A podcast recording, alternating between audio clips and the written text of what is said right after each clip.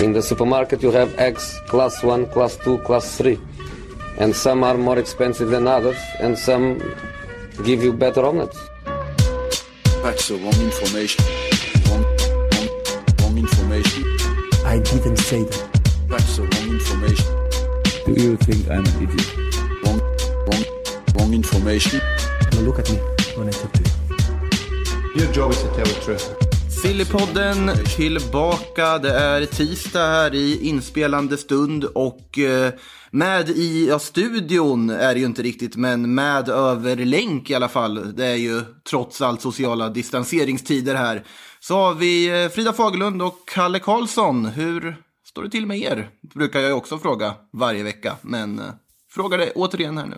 Mm, ja, men det är väl trevligt att någon frågar. Eh, nej, men, eh, nej men det är bra. Det är, mm, om, om någon vill ha en väderuppdatering så delar jag gärna med mig av att det är typ 28 grader och eh, sålande, eller strålande solsken här Åh. borta. Så att jag, jag har ingenting att klaga på när det gäller den biten i alla fall.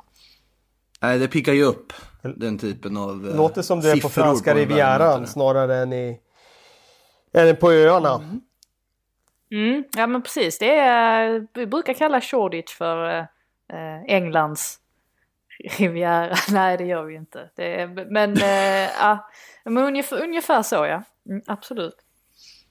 Mm. Eh, ni har väl sett lite fotboll i helgen kan jag tänka mig också. Eh, ska väl tilläggas här för ah, nytillkomna lyssnare om vi har några sådana att eh, Sillypodden nu för tiden är ju inte bara rykten om att eh, Niklas Bentner ska flytta hit och den Wingis ska vänta ut en transfer dit. Utan vi har ju även ett lite mer helhetsgrepp på liksom fotbollen som på något sätt försöker ta sig tillbaka här nu efter den här coronakrisen. Och nu har den ju faktiskt tagit sig tillbaka, i alla fall i Tyskland. Bundesliga drog igång igen i helgen och eh, fick ju en makalös start får man väl säga. Om vi tittar på det sportsliga med Dortmund mot Schalke 04 bland annat. Men innan vi går in på just det sportsliga, vad kände ni? För det var ju lite annorlunda, alltså annorlunda kuliss om inte annat såklart i och med att det inte var någon publik och så vidare. Vad är era spontana tankar om det vi fick se i helgen? Nej, men det var väl eh, eh, att man gick in eh, från början med inställningen att eh, det ska bli spännande att se eh, hur, eh, hur känslan är, om den kan infinna sig när det he- är helt tomt på läktarna. Det är inte första gången ska vi säga som vi har sett en, en stor match spelas helt utan publik. Det har vi ju gjort tidigare när det har varit diverse straff som har utdelats och så vidare i fotbollen runt omkring. Eh, så det var inte en helt ny upplevelse, men att se ett derby mellan Dortmund och Schalke utan den ljudkulissen som vi har vant oss vid från den gula väggen. Det är klart att det var, det var speciellt och det är klart att det, det var lite trist eh, att inte få de där känsloyttringarna eh, utifrån vad som hände på planen. Det behövde inte vara mål, bara liksom eh, det ett vrål i form av eh, jublande fans utan även de här små grejerna tycker jag, när någon gör en bra aktion på planen så, så um, uteblir ju liksom den där eh, reaktionen som man har vant sig med att den kommer och det, det kändes lite ovant och lite trist såklart. Samtidigt så, så eh, jag skulle nog säga hellre, hellre att titta på fotboll så här eller inte titta alls. Sen är ju frågan eh, hur länge man håller intresset vid liv om det skulle fortsätta så här i, i, eh, i evighet eftersom vi inte vet hur det blir med den här pandemin. Så befarar man ju att det kommer att, att vara så här tomt på läktarna ett bra tag framöver och då är det klart att det kommer inte vara lika roligt. Alltså fotboll utan publik, precis som du säger, är ju Alltså det är en sämre version av, av fotboll såklart, eller av fotbollsupplevelsen snarare. Sen tror inte jag att jag stördes så mycket som jag tyckte att, eller såg att vissa andra stördes av det. Att, att det inte fanns så mycket folk på läktaren. Och så funderade jag lite på varför det var så att jag inte störde så mycket av det. Så tänkte jag att det kan nog vara så att, eh, alltså jag har ju haft eh, den stora äran Ehm, att få följa damlandslaget under väldigt många år. Eh, eller under väldigt många år, typ t- två år kanske. Eh, vet inte var det kommer ifrån. Eh, men under ett par år i alla fall. Och då har det ju ofta hänt att liksom, eh, alla de här kvalmatcherna då Eh, under VM var det ju fulla läktare men framförallt under kvalmatcherna så är det inte så mycket publik. Eh, och det blir oftast ganska så eh, tyst och sådär. Och det blir ju en annan typ av fotboll då. Eh, men jag tycker på något sätt att eh, det behöver inte vara skit bara för det. Alltså det, det är inte, publikdelen är en oerhört stor del av fotbollen men det är ju inte allt. Så att jag eh, skulle nog ändå säga att jag var positivt överraskad i helgen ändå. Eh, och framförallt så var man ju glad över att det gick så, så, alltså gick så pass smidigt som det gjorde. Eh, för att i, i, i det stora hela så har det ju, får man ju se det som en succé. Ja, det ska ju komma någon form av eh, hälsoutvärdering eller liksom arrangemangsutvärdering här i veckan efter den här första omgången. Men vad det verkar just nu så har det ju funkat ganska bra. Eh, personligen kände jag att man märker lite, jag tror att den stor skillnad, om du är på plats och tittar på en match utan publik. Om du är liksom, säg att du jobbar med matchen och så vidare eller någonting. Så ger det inte samma effekt som när du ser på tvn. För man kunde ändå inte hjälpa att det kändes konstigt. Sen är jag helt med er på att hellre det här än att inte spela fotboll alls, absolut. Men om man jämför till exempel med, jag vet jag tittade på UFC-fighterna när de drog igång nu här igen. Och där var ju också utan publik och där kändes det konstigt till en början. Men där vande man sig på ett helt annat sätt och det vart ganska liksom vanligt att titta på det. Precis som tidigare. Det kan ju vara för att publiken inte gör, har samma effekt där i en sändning som i fotbollen. Men det är lite intressant att se för att det kändes ändå konstigt. Även om det är någonting man säkert kommer få vänja sig vid också. Jag tycker det är rätt så eh, kul att man eh, hör vad väldigt många spelare säger. Och att vissa spelare glömmer av det här ibland. Att deras, eh, alltså det de säger till motståndare till exempel inte dränks längre av publikljud. Um, så jag, ja, där, där, var ju vissa klipp man såg där man liksom kunde urskilja exakt vad det var för smädelser som, som vissa spelare hävde ur sig uh, gentemot varandra. Så det var, det var ju det ju liksom en, en, en kul aspekt av det hela. Så jag blev lite, för jag blev lite besviken på hur mycket man hörde. Man hade ju nästan velat, nu fattar jag att det här skulle aldrig gå att genomföra för spelarna skulle för det första vägra. Men om man skulle kunna micka spelarna. Som en ersättning. Ja, jag det, förstår det att det inte säkert i någon framtid att man gör det. Eh, det skulle inte förvåna mig om vi, om vi landar där förr eller senare. Eh, man har ju sett i amerikanska ju... sporter mycket. Eh, jag tänkte BT har ju lämnat in en förfrågan här i veckan till klubbarna om att de vill eh, alltså ta efter allsvenskan lite grann och dels sätta upp kameror i omklädningsrummen, eh, ha halvtidsintervjuer, alltså typ alla de delarna som allsvenska klubbar oftast inte gillar riktigt. Eller det var väl efter den här, just eh, kamerorna i omklädningsrummet var väl efter den här skandalen eh, i Berg. Var det Paulsen, Björn Paulsen som glömde bort att det fanns kameror som, som rullade och drog av sig sina shorts i halvtid eller vad det var. Så att det liksom visades rätt ut till hela publiken. Men någonting liknande vill BT väldigt gärna eh, göra. Och, alltså för att höja själva tv-upplevelsen. Och det är ju ett steg i så fall mot det här med ja, lite mer, lite mer mickande. Mm.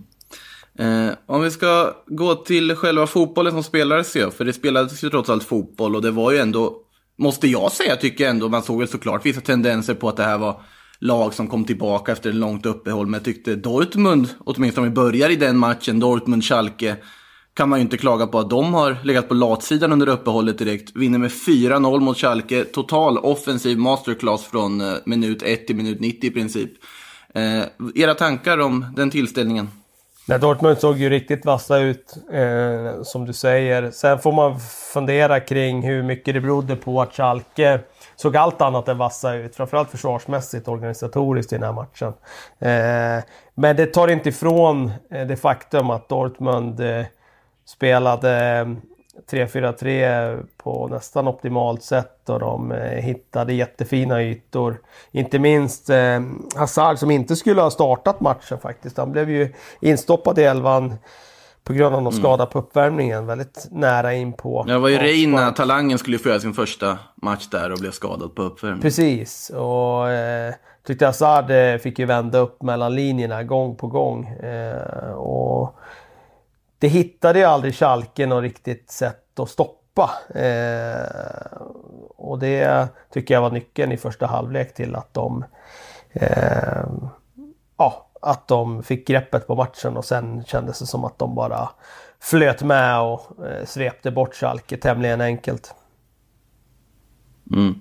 Det, man märker ju också hur mycket hjälp att har riktigt bra wingbacks som kan leverera offensivt också. Achraf Hakimi, ja det, det är inte alltid hundraprocentigt säkert när han har bollen, men den speeden och den liksom kraften och genombrottsförmågan, vad den hjälper. Och sen Rafa Guerreiro på andra kanten också gör ju två av målen. Eh, otroligt många offensiva vapen det där laget besitter ändå. Och då har man har Jadon Sancho på bänken dessutom, Marco Roy som är skadad också. Och sen då ändå har en Brand som inte ännu har hittat den här optimala nivån, även om han var väldigt nära den här nu, där, där vi ser helgen.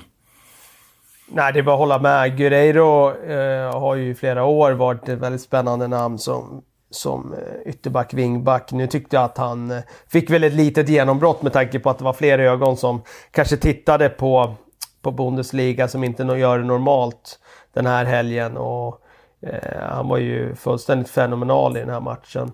Och precis som du säljer, Brandt är ju en till som också var riktigt, riktigt vass nu.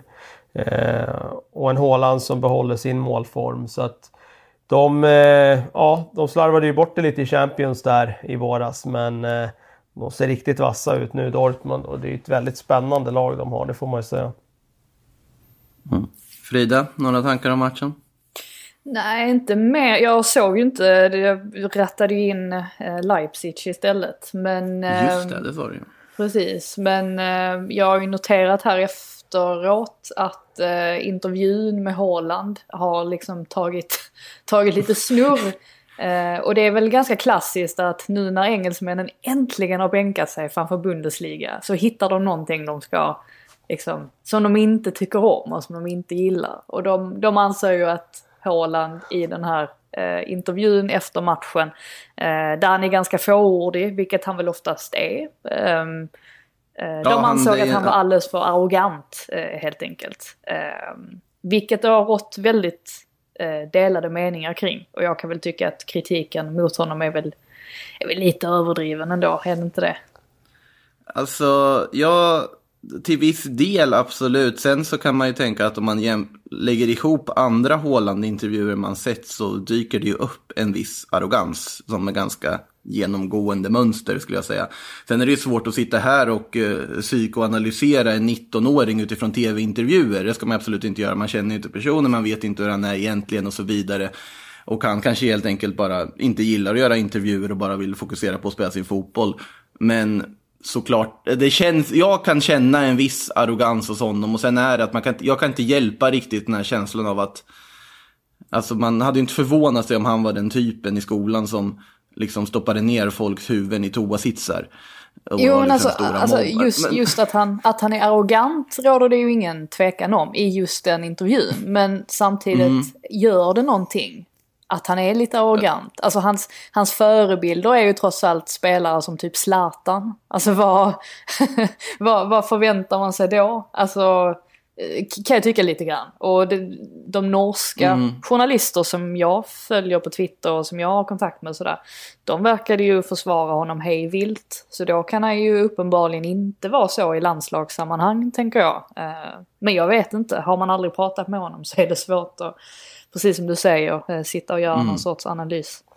Alltså det är ju Kalle, det är tudelat det där. Alltså, ja, det är klart. Eh, om man klipper ur den där slutklämmen på intervjun, den som har snurrat i sociala medier, så är det klart att han är lite korthuggen och lite arrogant så. Sen när man ser hela intervjun så tycker jag också man kan lägga lite grann på han som ställer frågor. Det är inte den bästa intervjun. Det är inte de bästa frågorna. Då, eh, ibland får man ju eh, förstå att eh, man, man, som man frågar får man svar. Och, eh, jag kan tycka att eh, man ska inte göra för stort nummer av, av eh, liksom det där. Om det skulle vara så gång på gång på gång. Jag vet inte om det är så för jag har inte sett intervju med han vecka efter, ut och vecka in. Men skulle det vara så gång på gång då kanske man kan dra en slutsats att han skulle kunna bli lite mer tillmötesgående. Men eh, jag tycker, jag, jag, jag har inte sett det som någon sådär återkommande att han alltid är liksom snäv i intervjuerna. Mm. Det återstår att se hur Haaland reagerar i nästa intervju. Kanske är ännu fler brittiska tv-tittare som klickar in sig för den istället för eh, matchen i sig. Då. Kanske de slår morden i Midsummer. Det var någon artikel om det i någon tabloidtidning där. att morden i Midsummer hade fler tittare än Bundesliga och att det på så sätt var ett fiasko. Bara man glömde bort det faktum att den här matchen hade fler tittare än vad en vanlig PL-match brukar ha. Intressant vinkling på det. Eh, vidare då till den matchen du har sett Frida, Leipzig-Freiburg. Ja, Överraskande resultat, får man ju säga. vad sa du? Överraskande resultat. Eh, ja, nej men det var det väl. Eh, en liten, eh, lite märklig match ändå på något sätt tyckte jag. Eh, det man kan ta med sig är väl att Freiburg är ju väldigt svåra att bryta ner när de står sådär kompakt. Och det är ju det som händer när de får in det där målet i, i första eh, halvlek. Eh, 34 minuten. Eh, och sen dröjer det ju väldigt, väldigt länge och väldigt mycket bollinnehav för Leipzig där i andra halvlek. Och, eh, de trummar verkligen på, alltså jag tror de landade på typ Eh, 28 målchanser till slut eh, kontra Freiburgs eh, 7. Ehm, så att det var ju det var ett massivt övertag på det sättet och de får ju till slut in kvitteringen där genom Paulsen också. Ehm, och den var väl, eh, den får man väl säga var ganska så rättvis. Sen hade ju faktiskt Freiburg kunnat chocka dem på slutet. Ehm, men det var ju, det var ju offside, upptäckte VAR, så att eh, målet blev eh, bortdömt. Eh, men överlag så, ja poängmässigt så kan de ju knappast vara speciellt nöjda. Eh, sen tyckte jag inte att de var så så usla som jag har sett att vissa har eh, tyckt att de var. För de, de skapar ändå tillräckligt mycket i den andra halvleken för att, för att vinna. Men de fick inte med sig det den här gången bara. Jag tyckte det var två bra lag eh, på olika sätt. Alltså, Leipzig är alltid intressanta att se. Jag tycker de är så otroligt organiserade i sitt pressspel. Eh, det är alltid intressant att se dem. De är väldigt flexibla i det. Och eh, man ser att det finns en så extrem tydlighet i det.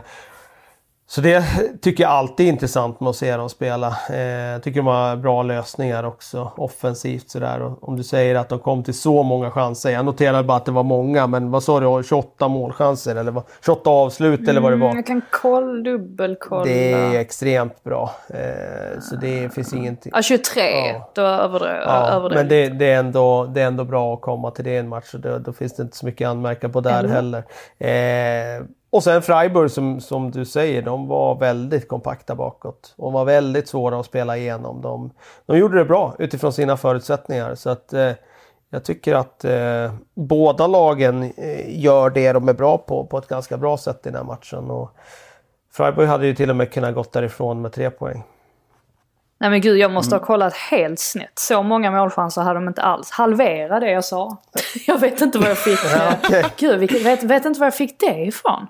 Eh, nej. Det kändes väl som 23?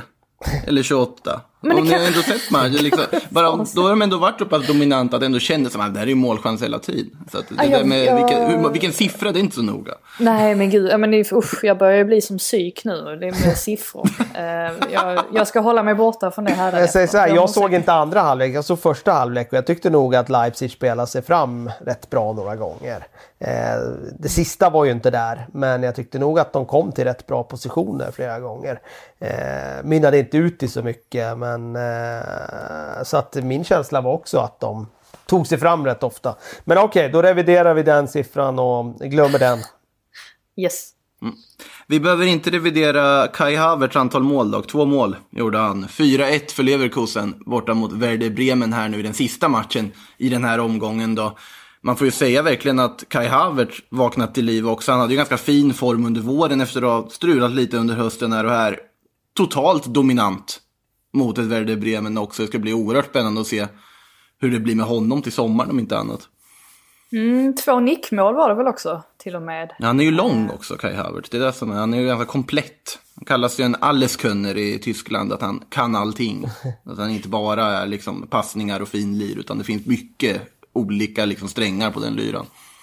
Ja, alltså han har ju verkligen chansen. Det har ju inte pratats så enormt mycket om honom ändå. Det, alltså det har ju funnits namn som liksom har dominerat eh, rubrikerna betydligt mer. Men det är väl klart att i och med att Bundesliga får lite ljus på sig nu, eller lite ljus, eh, allt ljus på sig, så, så är det ju klart att det finns en chans för en sån som honom också att visa upp sig på ett helt annat sätt eh, och på så sätt öka sitt, sitt marknadsvärde också. Så att nej, det blir intressant att se om det är någon som slår till på honom redan i sommar.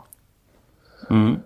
Eh, apropå det där med att få rampljus på sig också och så vidare när nu Bundesliga är den enda ligan som startar så kan vi faktiskt smyga in en liten lyssnarfråga här redan nu. För eh, Arvid Svensson frågar var kommer de svenska succéerna Robin Quaison och Sebastian Andersson spela nästa säsong? Och då kan vi börja med att säga att Sebbe Anderssons Union Berlin förlorade borta mot, eh, eller hemma mot Bayern München med 0-2. Robin Quaison inblandad i när Mainz lyckades vända tillbaka, eller å, vet du, göra en upphämtning, inte en vändning ska tilläggas, från 0-2 till 2-2 i sin match mot Köln. Eh, vad säger vi om Quaison och Sebbe Andersson? Sebastian Andersson Och har gjort att det kan ti- ge, tillräckligt för att eh, någon ska vara beredd att, att plocka honom. Eh, sen om det är till övre halvan i Bundesliga nästa gång eller, eller vad det är i tabellen, det vet jag inte riktigt. Men att han är kvar i Bundesliga oavsett hur det går för Union Berlin, det kan vi nog räkna in. Och samma sak med Quaison. Han står ju i ett ganska intressant karriärläge just nu. Där nästa steg skulle ju kunna vara eh, väldigt intressant för hans del eftersom det har gått så bra den här säsongen. Eh, man hade ju gärna sett honom kanske gå till en lite mer profilstark klubb och kanske inte vara ordinarie från början men bara se och, om han skulle kunna etablera sig eh, i en sån lite större klubb. Real Sociedad. Varför inte? Faktiskt, det var inte helt dumt. Um, kommer jag på nu helt. Se då, vi får försöka plantera det här på något sätt. Det hade varit väldigt kul att se. Eh, vi kan väl nämna, Emma, du har ju spelat som sagt väldigt många matcher, eh, eller en hel omgång rättare sagt, men det går, bör väl nämnas också Hertha Berlins 0-3-seger borta mot Hoffenheim, där snacket efter var att Hertha Berlin har fått lite kritik för att det finns ju väldigt mycket riktlinjer för hur man ska fira målen. Vi såg ju på Hålands eh, lilla dans han körde där med god distans till sina lagkamrater och så vidare. Och andra exempel då från den här omgången. Men Hertha Berlin, de sket i alltihopa. Det var kramar och det var kindpussar och allt möjligt. Och det har ju väckt lite reaktioner. Eh, tror vi att vi kommer få se ganska mycket mer sånt där när spelare bara är fullkomligt skiter i det? Och kan man ge ett allvarligt straff för det? Eller hur ska man hantera sådana målfiranden tycker ni? Jag tror inte vi kommer se så mycket av det för att jag känner på mig att klubbarna är väldigt måna om att faktiskt eh, kunna avsluta den här säsongen. Och det sämsta man kan göra då är kanske att eh, reta regeringen och eh, deras riktlinjer eh, genom att göra sådana grejer. Så jag, eh, jag, jag räknar med att de fick, fick sig en, en eh, tillsägelse efter matchen och, och att de kommer se till att det inte händer igen. Sen ibland, alltså det är väl klart att man har förståelse, förståelse för att det måste vara jättesvårt att hålla inne känslorna ibland. Men eh, som sagt, just nu är ju liksom eh, målet att man ska kunna spela färdigt. Ja, och sen Eh. visade det sig att det renderar ju inga straff utan sen sa de ju efteråt att just när det gäller måljubet var det bara rekommendationer, ingen regel. Eh, vilket Jaha. förvånade mig för att, eh, för att jag tyckte de hade varit väldigt tydliga innan om att, det, att man inte fick göra det och så vidare. Men eh, det var i alla fall vad de sa i SVT om saken och jag litar på den då. Eh, men eh, ja, jag tror inte heller, jag tror precis som du Frida där, jag tror att de kanske skärper sig till nästa gång och, och, och så. Kommer på sig själva att ja, det kanske inte var så smart nu om vi har fått klartecken för att starta igång det här av Merkel så kanske vi inte ska hålla på och vara där i gråzonen och, och eh, jobba utan kanske bara vara på den säkra sidan istället. Om vi säger så här, när eh, svenska fotbollen drar igång igen och du ser eh, dina spelare i Västerås fira ett mål väldigt glatt och eh, närgånget, blir det reprimander i omklädningsrummet efter det här då, från tränare Ja, vi Kalle? får ju se vad vi har för restriktioner när vi drar igång till att börja med. Jag kan ju tycka liksom att det där är... Det är ju min uppfattning, jag är inte smittskyddsexpert, men alltså spelarna kommer ju automatiskt vara nära varandra ändå eh, i vissa sammanhang. Så att jag tror inte det gör varken till eller från eh, om de gör high five ute på plan. Men det är bara min uppfattning.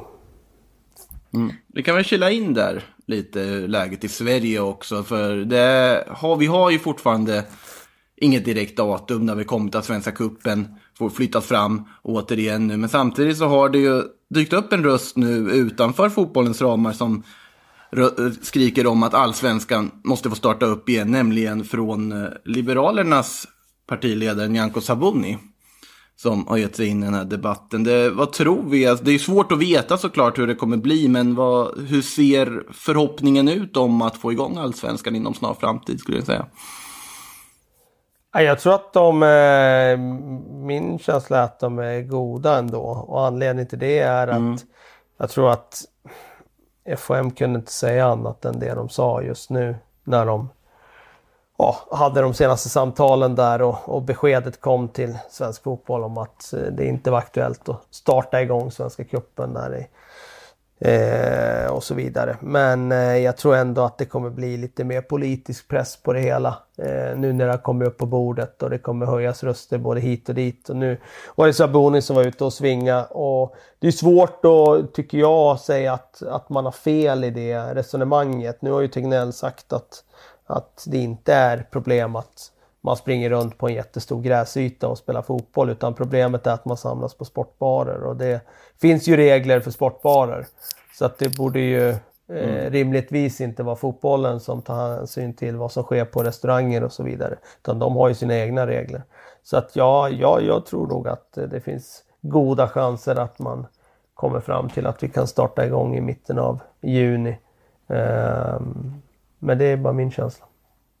Man blir mm. lite cynisk ändå när man har läst ganska många veckor nu hur Liberalerna ligger väldigt dåligt på det i opinionsmätningar och sådär. Och sen så helt plötsligt kommer det ett utspel som eh, alltså når en ganska stor grupp människor ändå ja. i Sverige. Och som en stor grupp tycker väldigt mycket, eh, alltså tycker är en bra grej. Eh, jag vet inte, det känns lite som att man slår in öppna dörrar här. För ingenting verkar ju ha förändrats så som jag har förstått det. Alltså Löfven kommer inte Alltså de, han kommer fortfarande låta Folkhälsomyndigheten ha sista ordet. Så att då är det ju, ah, då är det inte så mycket som förändras, tänker jag. Intressant där tyckte jag var att, men det kanske jag i egenskap av Norrköpingsfödd som tycker det, men att eh, den här bilden som, de, man lägger upp så bilder från politiska partier när man skriver ett budskap man vill ha fram och så här för att folk ska kunna dela och så vidare. Så hade alltså Liberalerna valt att ha Östgötaporten i bakgrunden. Bara en sån sak. Det tyckte jag var otroligt otippat för övrigt, men uh, bara, bara en liten inflikning där. Uh, tänker, uh, när vi ändå var inne på det här med med vad heter, barer och så vidare och att folk kommer samlas oavsett för att se matchen och vem som kan läggas ansvar för det och så vidare. Måste man ju fråga, du Frida som sitter i England, hur har diskussionerna gått kring den aspekten? Har det funnits sådana diskussioner inför då det förmodade återstartandet av Premier League? Nej, det har ju inte det för att eh, pubbarna är ju det som kommer öppna absolut sist här borta. Eh, nu har jag i och för sig plötsligt börjat se hur, hur vissa pubbar, alltså väldigt, väldigt få.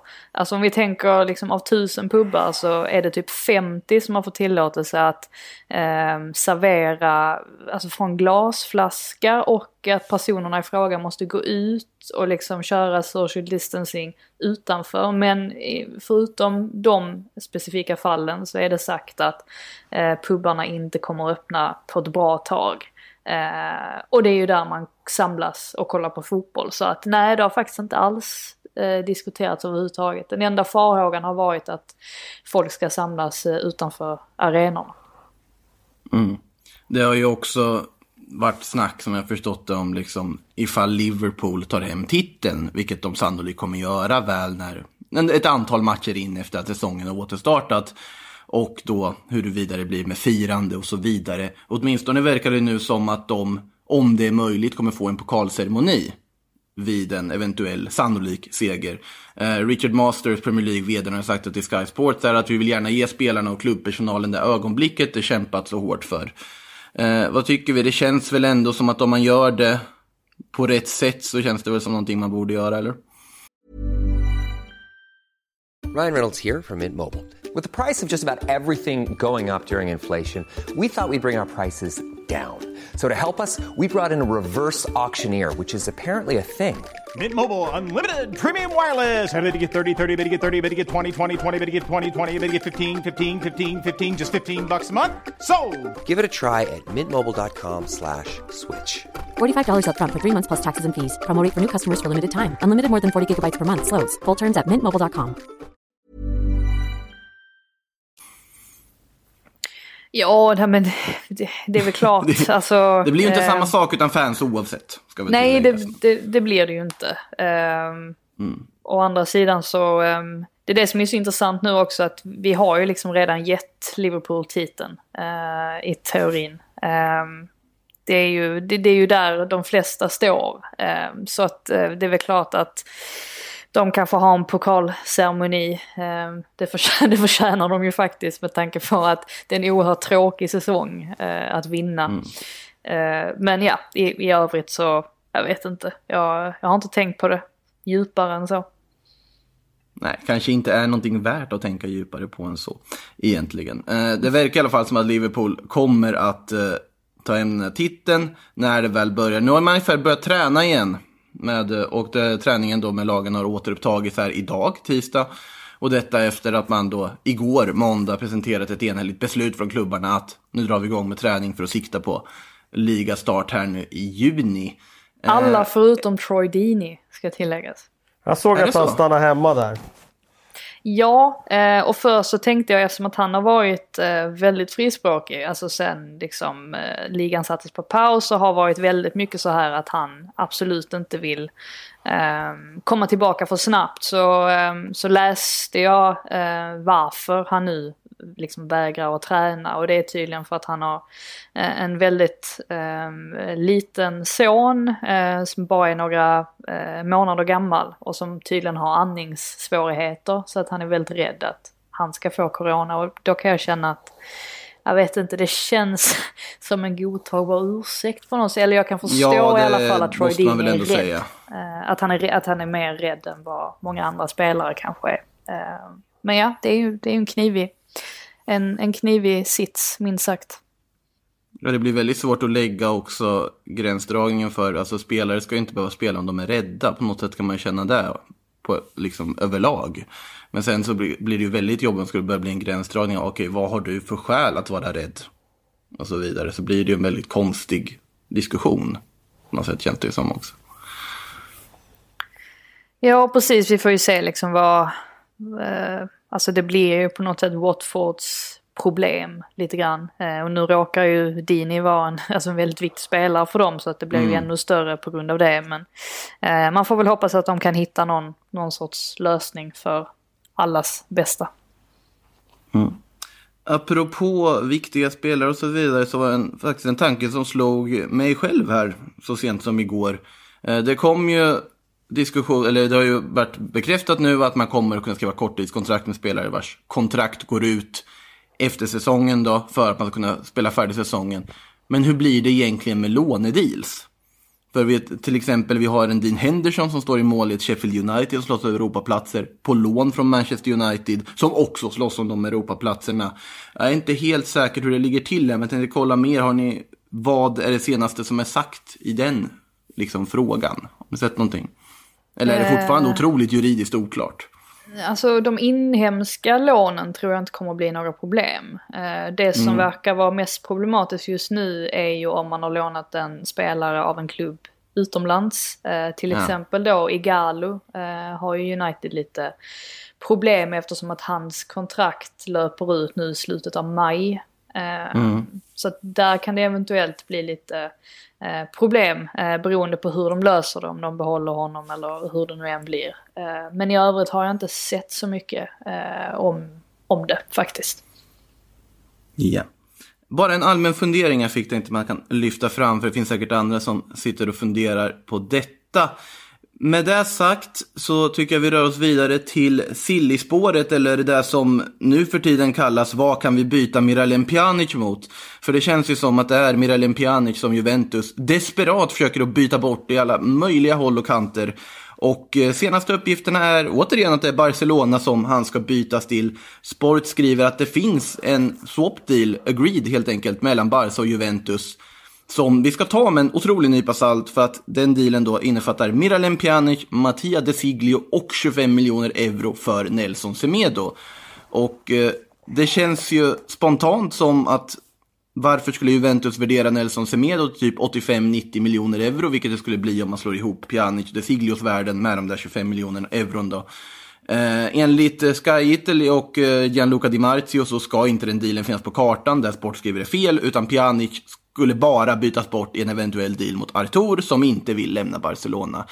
Eh, vad känner vi spontant till att börja med om liksom Pjanic, De Siglio och cash för Nelson Semedo? Det känns ju som att det är två förlorande klubbar i det här skulle jag säga, eller? Ja, men det köper jag. Eh, det, det, känns ju betydligt mer rimligt att byta spelare mot spelare i samma position än att blanda in lite andra positioner och dessutom... Eh, eh, jag tror att Juventus är jättesugna på Artur. Eh, det hade ju varit en, en bra deal tycker jag för Juventus del för att man tjänar rätt många år på den affären. Eh, och mm. Artur har ju faktiskt visat tillräckligt mycket i Barcelona för att vi ska kunna säga att han har potential att bli en riktigt, riktigt bra mittfältare. Och Pjanic är, är jättefin. Eh, ja, han är mm. superfin men han börjar bli till åren, han har inte så många år kvar på toppen längre så att eh, jag skulle säga att eh, det hade varit en bra eh, Juventus-affär. Jag är lite tveksam till den affären som du nämner nu med att blanda in Nelson Semedo och så vidare. Jag har svårt att se att man skulle värdera han så högt. Ja, men det känns ju som att det fattas en bit i den här. Att det är någon mer spelare som ska in i det här för att det på något sätt ekonomiskt ska verka någorlunda sansat.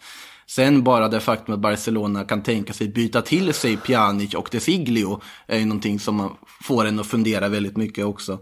Men eh, det har ju hänt konstigare saker. Eh, om vi ändå är inne på Barcelona, eh, Jean-Claire Todibo fick vi faktiskt se helgen i eh, Schalke-tröjan. Fick ju tyvärr bryta med en skada dock i halvtid. Eh, lovande mittbacken som är på lån då från Barcelona. Han ryktas ju bort i alla möjliga deals också. Och det är faktiskt Juventus som är sammankopplade med Todibo också. Och även Everton har tidigare kopplats samman med den franske mittbacken. Vad säger vi om Jean-Claire Todibo? Jag vet inte hur mycket ni har sett av honom, men vi fick en halvlek här i alla fall. Kanske inte den bästa halvlek han har gjort, men det är en, onekligen en lovande mittback. Kan man i alla fall säga. Ja, alltså det man har noterat egentligen är väl först och främst att det är en hel drös med alltså, yngre franska mittbackar som känns väldigt heta. Eh, men mm. till skillnad från Upamecano och Sagado och sådär så har ju inte Todibo fått riktigt lika mycket eh, uppmärksamhet. Och det har ju såklart att göra med att han inte fick spela speciellt mycket i Barca. Han har väl redan gjort fler matcher för Schalke än vad han eh, mm. ja, gjorde för, för Barcelona. Så att det, det säger ju en del och det, det, är väl detta han behöver också, att få spela lite mer regelbundet. För att han är ju en, en mittback som har väldigt många av de egenskaperna som en storklubb letar efter idag. Både det här att han är, han är lång och stor eh, samtidigt som han alltså, är väldigt bra med eh, bollen vid fötterna. Och, eh, så jag skulle väl kunna tänka mig att Alltså att det, det borde egentligen vara, vara fler klubbar som är intresserade av honom. För att det här kan ju potentiellt bli transfermarknadens bästa kap. Eh, med tanke på att prislappen är ju inte speciellt hög. Eh, och det finns ändå en utvecklingspotential i och med att han är född 99 är han väl. Eh, så att nej, där vore jag förvånad om det inte dyk, dyker upp fler, ännu fler rykten mm. kring just honom. Man är ju förvånad att till att börja med att Barcelona är, verkar vara så pass liksom desperata kanske man inte ska säga, men alltså vill bli av med honom så pass mycket. Och att man, ja men det finns ju såklart, man vill ha in Lautaro Martinez och man vill ha in Neymar. Och det kostar sin slant och då måste man finansiera på diverse sätt och så vidare. Men varför Barcelona, om man då ska tro hela den här rykteskarusellen, men med tanke på hur mycket swapdeal-rykten det kommer Barcelona så måste det ju ligga någonting i det någonstans. Att man är så desperat att göra om så pass mycket i sitt lag bara för att få Lautaro den här sommaren. Alltså, för du har Suarez som fortfarande håller. Du har Messi som fortfarande är världens bästa fotbollsspelare och så vidare. Varför göra alla dessa byten och stressa på det här sättet och också riskera bort en spelare som till exempel Todibo eller Emerson som det pratas om som varit fantastiskt på lån i Betis. För att bara få in Lautaro den här sommaren, inte bara vänta en sommar. Det, men är det inte lite för att dra en rant här för dig signifikativt? själv. Är det inte lite signifika- signifikativt Ja. Makoto för ett Barcelona som har gjort en det ena, en det andra misstaget på transfermarknaden de senaste tio åren i stort sett? Precis. Eh, jag är inte förvånad sett till hur klubben har drivits de senaste åren. Eh, men jag är förvånad Mm. utifrån så som du lägger fram det, att man väljer att titta så kortsiktigt. Ja, det finns ju ett presidentval som Ja, så är det ju. Och det kommer ju alltid påverka det vad, vad det blir för utspel hit och dit eh, när det väl är val där borta. Men mm, bo, rimligen borde ju medlemmarna kunna, för de är ganska kunniga där nere, de borde ändå kunna se vad som är långsiktigt hållbart och det bästa. Mm. Ja, det var, var det inte lite samma, alltså nu med tanke på att vi nämnde Everton här eh, kring Todibo, alltså var det inte lite samma sak med Jeremina också på något sätt? Att man, Ja, fast Jeremina skulle jag säga, där var det ju helt fascinerande hur Barcelona kunde gå vinnande på den affären. Alltså, sett vad, Jerem, ja, men, vad Jeremina presterade i Barcelona på de 13 matcherna, alltså han borde ha alltså, åtminstone halverats i värde. Man köpte väl honom för, vad kan det vara, 13 miljoner eller någonting från Sydamerika då. Och han kom dit och eh, var fullkomligt katastrofal i Barcelona-tröjan. han och var, han var ju då att bra gjort i VM. han gjorde tre nickmål i VM och sen väljer Everton att lägga 300 miljoner på honom. Det är fascinerande hur Everton la en miljard totalt då på Jeremina, André Gomes och Lucas Digne på den sommaren. I princip finansierade hela Barcelonas eh, jakt på Coutinho och allt vad det var. det var Ja, väl sjukt. Coutinho den De samma köpte han för sommar. 12 miljoner euro och sålde han för 30 miljoner euro. Ja, det är helt sinnessjukt. Ett halvår senare. Ja, Det är Efter VM. helt sinnessjukt. Och, men Todibo i det här fallet så ska jag tillägga att där har vi faktiskt en otroligt lovande mittback där man till en början var ganska förvånad att den överhuvudtaget lånades ut i Schalke med tanke på Barcelonas mittbacksituation. Ja. Ja, Det, det går att sitta och prata och fundera över vad som händer där borta otroligt länge, så vi ska inte hålla oss kvar där för allas, vad ska man säga, eh, psykiska välbefinnande. Men vidare då till, istället till Neapel. För där verkar det som att Dries Mertens har beslutat att stanna i Napoli och skriva på ett nytt kontrakt. Hans kontrakt skulle ju gå ut här nu i sommar och detta är flera källor som har skrivit, bland annat eh, The Guardian. Att då Dries Mertens stannar och det inte blir en flytt till Chelsea eller Inter som det pratas om. Vad säger vi spontant, är det ett bra val av Dries Mertens att stanna i Napoli? Jag kan inte klandra honom. Eh, Tänk att bli kvar där eh, i Neapel. Eh, kanske bli eh, deras liksom främsta målskytt genom tiderna. Mm. Eh, alltså han är älskad av, av folket. Det, det, det finns ju ändå ganska många eh, alltså aspekter eh, till varför han väljer att stanna kan jag tycka. Alltså jag kan inte klandra honom i alla fall. Nej, känns ju så. Kalle, håller du med? Ja. Jag har inget att tillägga. Ja. Perfekt. Eh, när vi ändå är inne i Napoli eller i Neapel här så ska ju, har vi ju en Kalidou Koulibaly som har ryktats ganska frisk till höger och vänster, bland annat Liverpool och Paris Saint-Germain. Ska vi slänga in Manchester United i den mixen återigen då? För eh, Gazzetta dello Sport menar att United nu ändå, när de har sett Liverpools intresse här och, och så vidare, ska ändå ge sig in i den här jakten på Koulibaly. Men det känns väl som, ja det är en jättebra mittback, men Maguire Lindelöf är det väl inget fel på, eller? Nej, alltså de är ju på jakt. De är ju på jakt efter en mittback. Det Mm. eh, har, eh, ja, det, det har eh, de kanske inte varit, jo det har de väl i och för sig varit ganska öppna med det. Eh, att de är ute efter en till. Eh, men precis som du säger så, eh, det hade ju varit lite trist för Vigge om Koulibaly hamnade i United för att man, kan, man känner väl på sig att det skulle bli Maguire, Koulibaly då som skulle vara tänkt eh, startpar där. Eh, men jag vet inte, det kan ju vara så att eh, United kanske inte lyckas lösa Jadon Sancho nu i sommar och sen så har man lite pengar över och sen så passar man på då att trycka till ja, konkurrenterna då genom att norpa honom. Ehm, så att jag, jag vet att det är ju, man vet aldrig i den här, i den här världen, så att inte nu. Men det är inte helt ologiskt med tanke på, vi pratar ändå de senaste åren, det finns ju ett antal, om vi kallar det premium mittbackar i Europa. Som är på en sån där nivå där man känner att laget skulle automatiskt bli bättre om man värvade den mittbacken. Eh, Van Dijk var en sån. Eh, Koulibaly är en sån. Det är inte så många fler om vi tar de som går att få loss. Realistiska som går att köpa.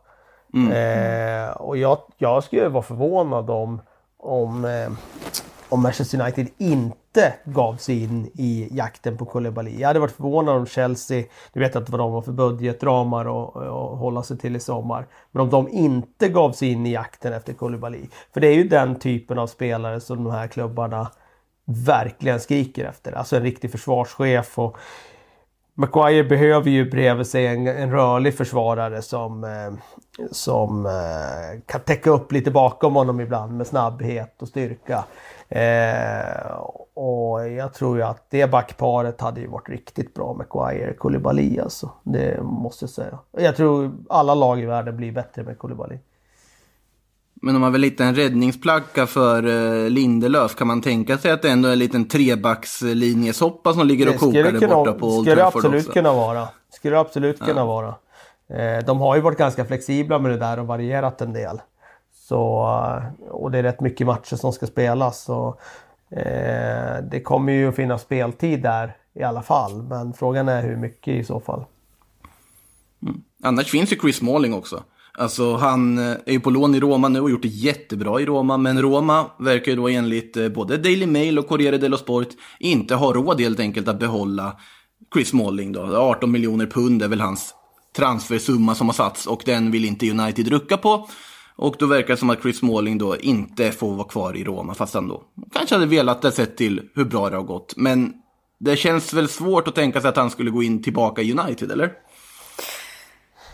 Ja, alltså om, om vi nu leker med tanken att eh, de köper in eh, en till ny mittback, då känns det ju eh, väldigt orimligt att Smalling Mm. skulle liksom själv kunna tänka sig att sitta på bänken så mycket. Eh, som det säkerligen hade blivit i så fall. Så att eh, jag har ju svårt att säga att han eh, eh, han återkommer. Å andra sidan så, så är, är det väl han som eh, känns troligast ändå. Alltså om det är någon av de här eh, mittbackarna som har varit lite eh, Alltså utmobbade är ett hårt ord, men de som kanske inte riktigt har, de som har blivit utdömda, så kan man säga. Eh, så känns väl han som den troligaste i så fall att bli kvar. Eh, men med det sagt så eh, vill han kanske inte ens det själv, jag vet inte. Nej. Återstår att se. Kan ska vi ta lite lyssnarfrågor då innan vi eh, stänger den här butiken? Ser att eh, både Hugo Kjele och Joakim Granberg frågar om en viss Luis Campos och diskuterar Tottenhams eventuella nyförvärv av honom från Lille. Men då ska vi tillägga så att Luis Campos är ju ingen fotbollsspelare utan han är ju snarare en sportchef eller liksom chefscout som skulle gå in och jobba tidigare med José Mourinho också. Eh, har ju, är ju känd för att lyckas hitta många liksom diamonds in the dust så att säga. Liksom, spännande talanger för bra pris. Eh, vad säger vi, är Luis Campos någon som Tottenham skulle tjäna på att få in i sin ledarstab? Ja, alltså han, jag vet inte sådär jättemycket om honom mer än att liksom man har slängt ett öga på vilka spelare han så att säga har upptäckt. Och då är det ju liksom spelare som Mbappé och Pepe och Lemar och eh, James Rodriguez och, och sådär. Så att när man hör det så så känns det ju eh, så känns det ju lovande. Eh, men, och, och Tottenham behöver ju på något sätt en, en eh, äh, lite ny vägledning med tanke på hur det har sett ut de senaste åren. Att de hamnade i den här situationen med eh, liksom en, en liten sådär generationsväxling som inte lyckades och att eh, man hamnade i den här kontraktssituationen med väldigt många spelare. Så att ehm, Ja, med, med tanke på det så, så känns det väl positivt. Men med det sagt så, så vet jag inte speciellt mycket eh, mer än så.